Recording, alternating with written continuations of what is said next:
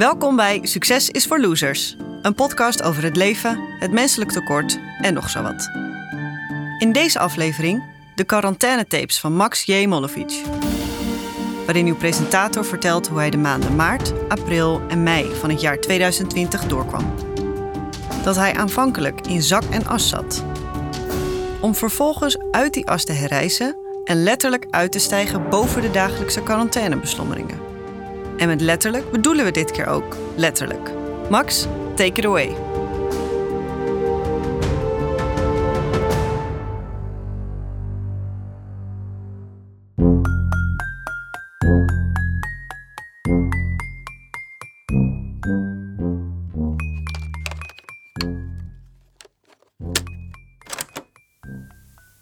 Maandag 16 maart. De zon komt op. Dat doet hij dagelijks, maar de laatste maanden merkte je dat zo goed als niet. Vandaag is anders. Vanaf het moment dat de eerste zonnestralen rond kwart voor zeven boven de horizon hun licht op onze slaapkamer richten, is het een schitterende dag.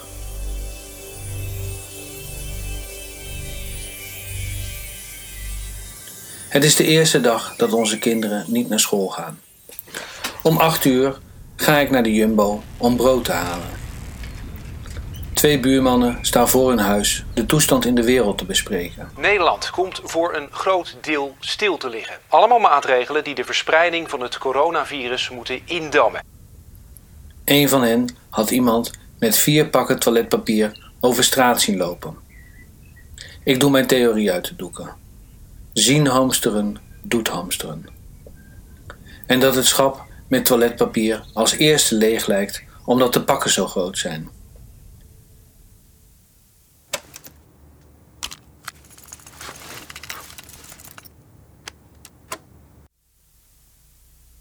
Woensdag 18 maart.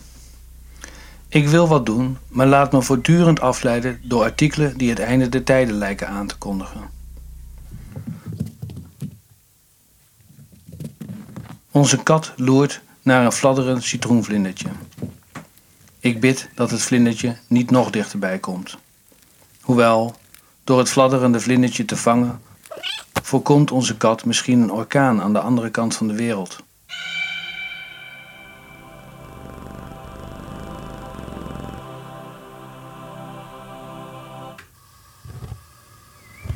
S'avonds zet ik een pan met bliktomaten op. Mijn schoonmoeder had er in een hamsteropwelling een stuk of tien gekocht en gaf ons er vijf mee. Terwijl het pannetje staat te pruttelen, vraagt mij lief of ik mee naar buiten ga om een wandeling te maken. Als we op de spoorbrug lopen, realiseer ik me dat het pannetje met tomaten nog op het vuur staat te pruttelen. We lopen door onze wijk. Mensen zitten aan tafel. Als ik ons huis binnenstap, ruik ik aangebrande tomaten. Onder het uitgedroogde tomatenpapje een dikke laag zwarte tomatenkoek. Mijn lief vraagt of het wel met me gaat. Terwijl ik het pannetje probeer schoon te schrobben met een schuursponsje, barst ik bijna in huilen uit.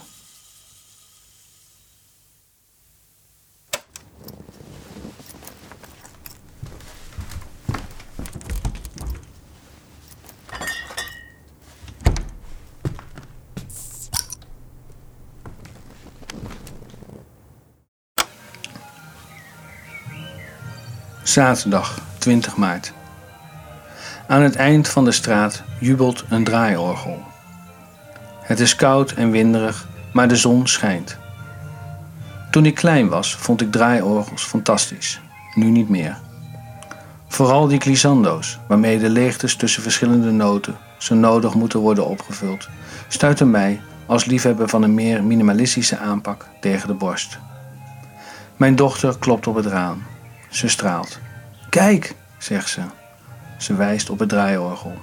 Ik vraag of ze wat geld wil geven. Dat wil ze wel. Ik doorzoek mijn zakken. Een biljet van 5 euro. Te veel eigenlijk, maar ik heb niet kleiner. Ik geef haar de 5 euro. De culturele sector heeft het al moeilijk genoeg. Mijn dochter rent naar het draaiorgel, doet het geld in het muntenbakje en begint te dansen. Andere kinderen dansen ook. Wanneer ik als kind een draaiorgel zag, bleef ik altijd stokstijf kijken naar het wonder dat zich voor mijn ogen voltrok. Geen cel meer in mijn lichaam dat die momenten heeft meegemaakt. Maar de herinnering zit er nog wel. Ergens diep weggestopt in een of andere cortex. De cellen die het zich herinneren, geven het door aan andere cellen, verspreiden zich razendsnel door mijn lichaam en voordat ik het goed en wel doorheb, persen de herinneringen zich een weg naar boven, waarna de tranen me weer eens in de ogen schieten. Maandag 23 maart. Bij de Jumbo staat een jongen naast de mandjes. Wanneer iemand naar binnen wil, pakt hij een mandje uit de stapel, wrijft hij het handvat schoon en biedt het mandje aan. De mensen zijn op hun hoede. Ze houden elkaar nauwgezet in de gaten. Op de vloer gele stippen, op anderhalve meter afstand van elkaar. Paradoxaal genoeg is het nu eigenlijk moeilijker om afstand te houden dan toen nog niet iedereen moeite deed. Twee dagen geleden kon ik redelijk goed voorspellen wat de ander ging doen. Er zat nog een natuurlijke flow in de winkelstromen. Nu iedereen zo aan het opletten is, gaat het met horten en stoten. Zoals niks vanzelf gaat als je je ergens hyperbewust van bent. Woensdag 1 april. De wereld zonder het virus is een vage herinnering. Andersom was het twee weken geleden onmogelijk om de ernst van de situatie in te zien. Alarm in het noorden van Italië. Verschillende steden en dorpen. Toen het virus toesloeg in Italië en de waarschuwingen zich opstapelden, bleef ik denken dat het hier zo'n vaart niet zou lopen. Italianen maken immers overal een drama van. En daarvoor, toen China een miljoenenstad op slot gooide, spierballenvertoon van een land dat een veel te lakse beginreactie probeert te overschreeuwen. Ellende is iets wat de ander overkomt. Wij zitten hier veilig.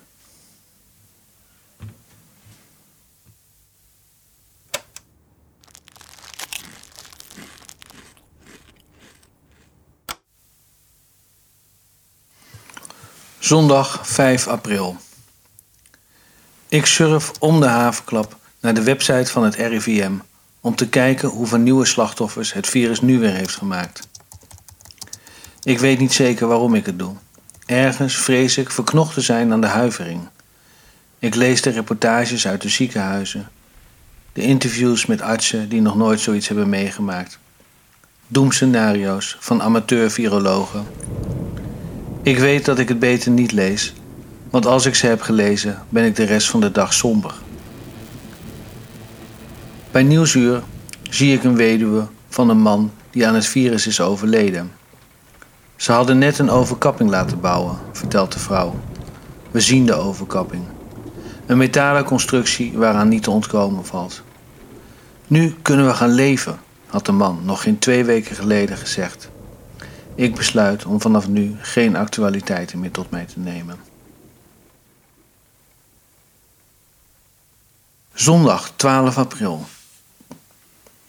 In de Jumbo koop ik afwasblokjes en chocola.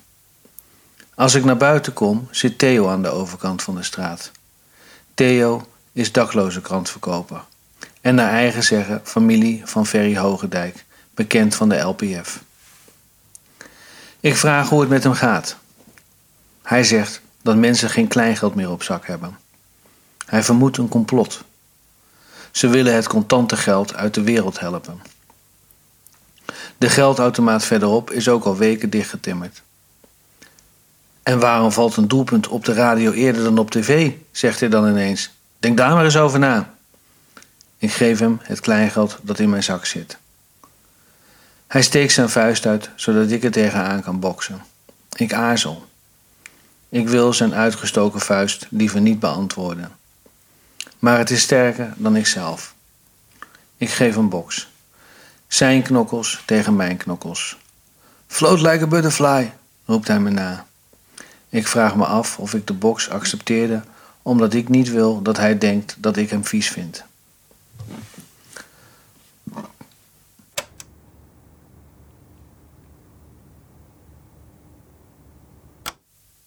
Woensdag 22 april. Ergens bevalt het wel, dit leven. Het begint vertrouwd te voelen, de vage dreiging van een onzichtbare vijand die ons land lam legt terwijl de lente alles vol in bloei zet. De zon schijnt. De luchten zijn vrij van vliegtuigen. Overal heerst een serene rust. We mogen wat minder, maar we hoeven ook minder. Alsof de beperking ons eindelijk heeft ontslagen van de plicht om mee te rennen. Weg met de haast, leven dagen als deze, die in oneindige traagheid voorbij vliegen. Eindelijk kunnen we de zaken op hun beloop laten. Vrijdag 1 mei. Het is bewolkt. De atmosfeer is een beetje drukkend, maar ik voel me verrassend licht. Misschien komt het door mijn stoelgang. Die is nogal verbeterd de afgelopen weken. Ik ontbijt dan ook elke ochtend met een yoghurtshake met frambozen en spinazie. En eet elke middag een bord met gemengde noten, pitten, olijfolie, een miniola en amandelmelk. Afgetopt met kaneel en kurkuma. Of is het kurkuma? Dat weet ik nooit.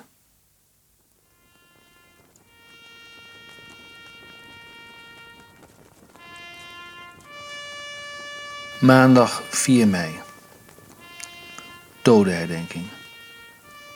Na de twee minuten stilte dwalen mijn gedachten al vrij snel af. Terwijl ik met een half oor naar onze koning luister, die aan de duiven op de dam vertelt dat de holocaust in het Vondelpark begon met een bordje voor Joden verboden, vraagt mijn vrouw ineens of ik naar beneden wil komen. Pas op het moment dat ze dat zegt, zie ik dat ik een halve meter boven de bank aan het zweven ben. Zodra ik het merk, val ik naar beneden.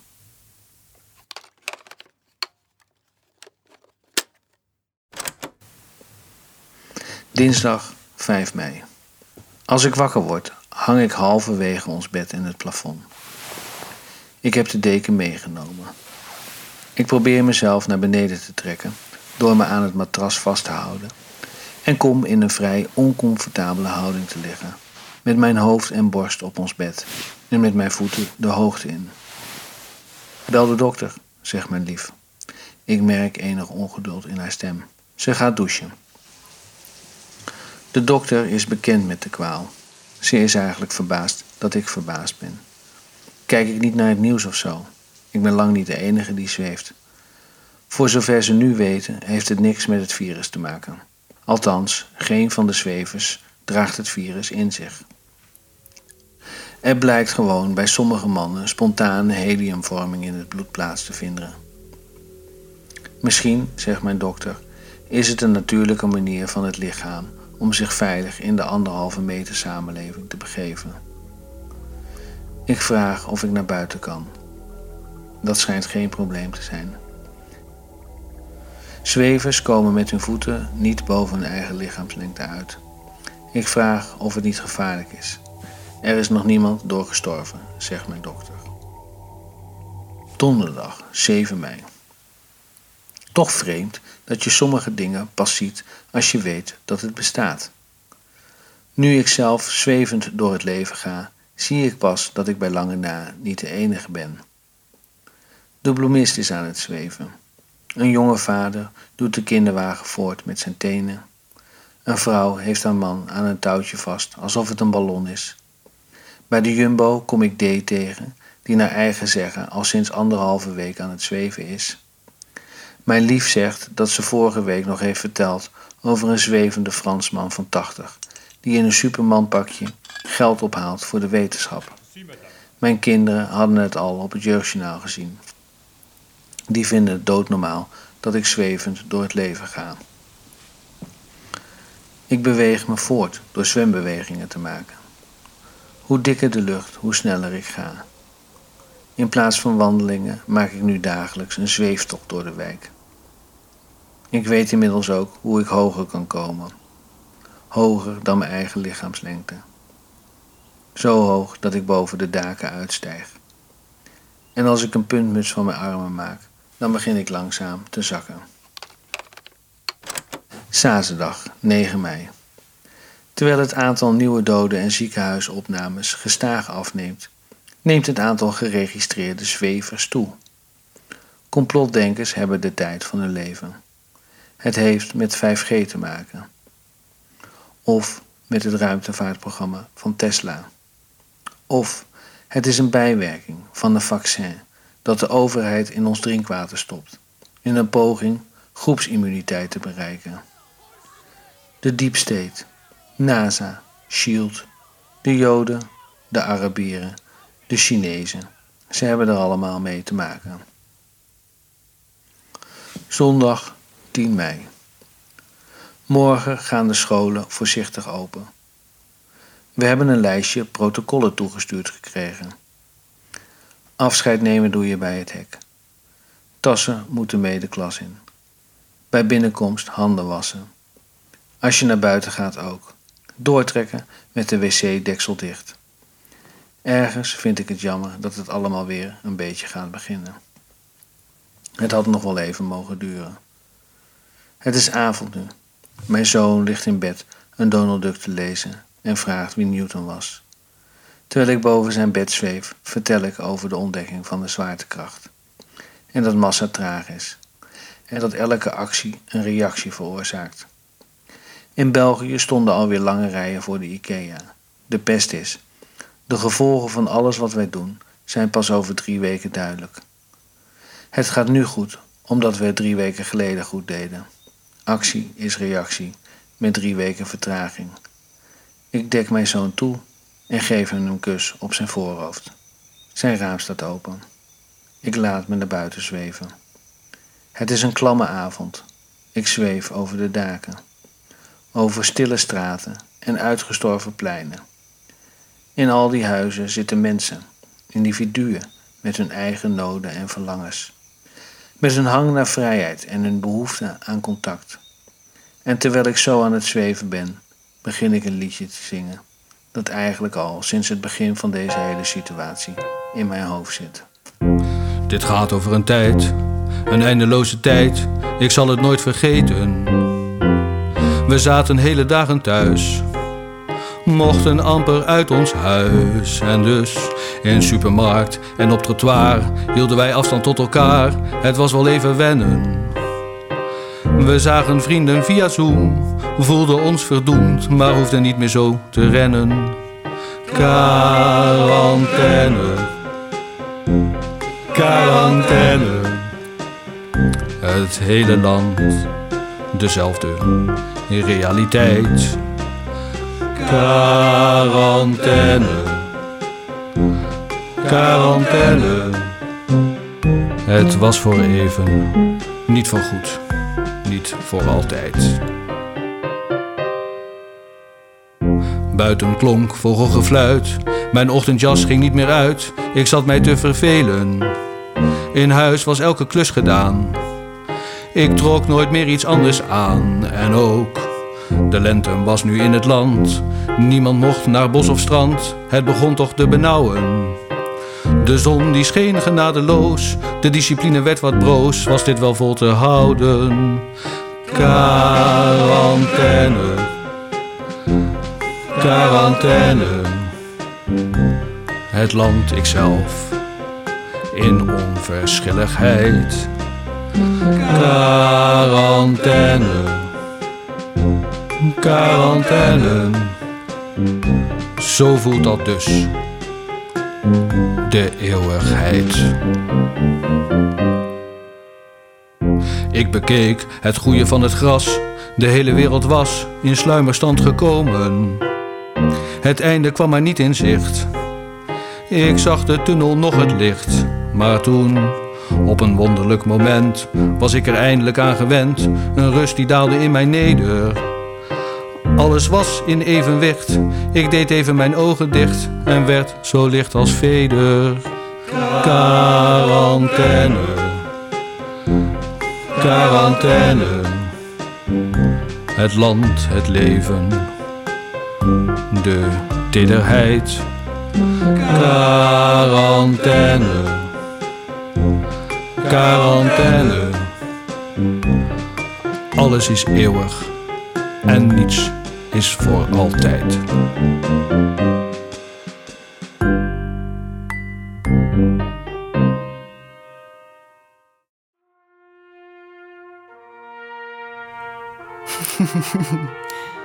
Ja? Succes is voor Losers is een samenwerking tussen de Podcast Factory en Meijer en Mollevic, makelaars in goede ideeën.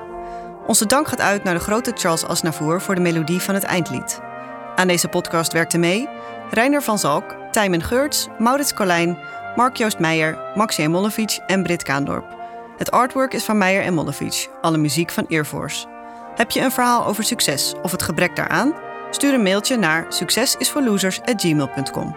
En wie weet nemen we contact met je op. En wie weet ook niet. Bedankt voor het luisteren en tot de volgende aflevering. Later, losers.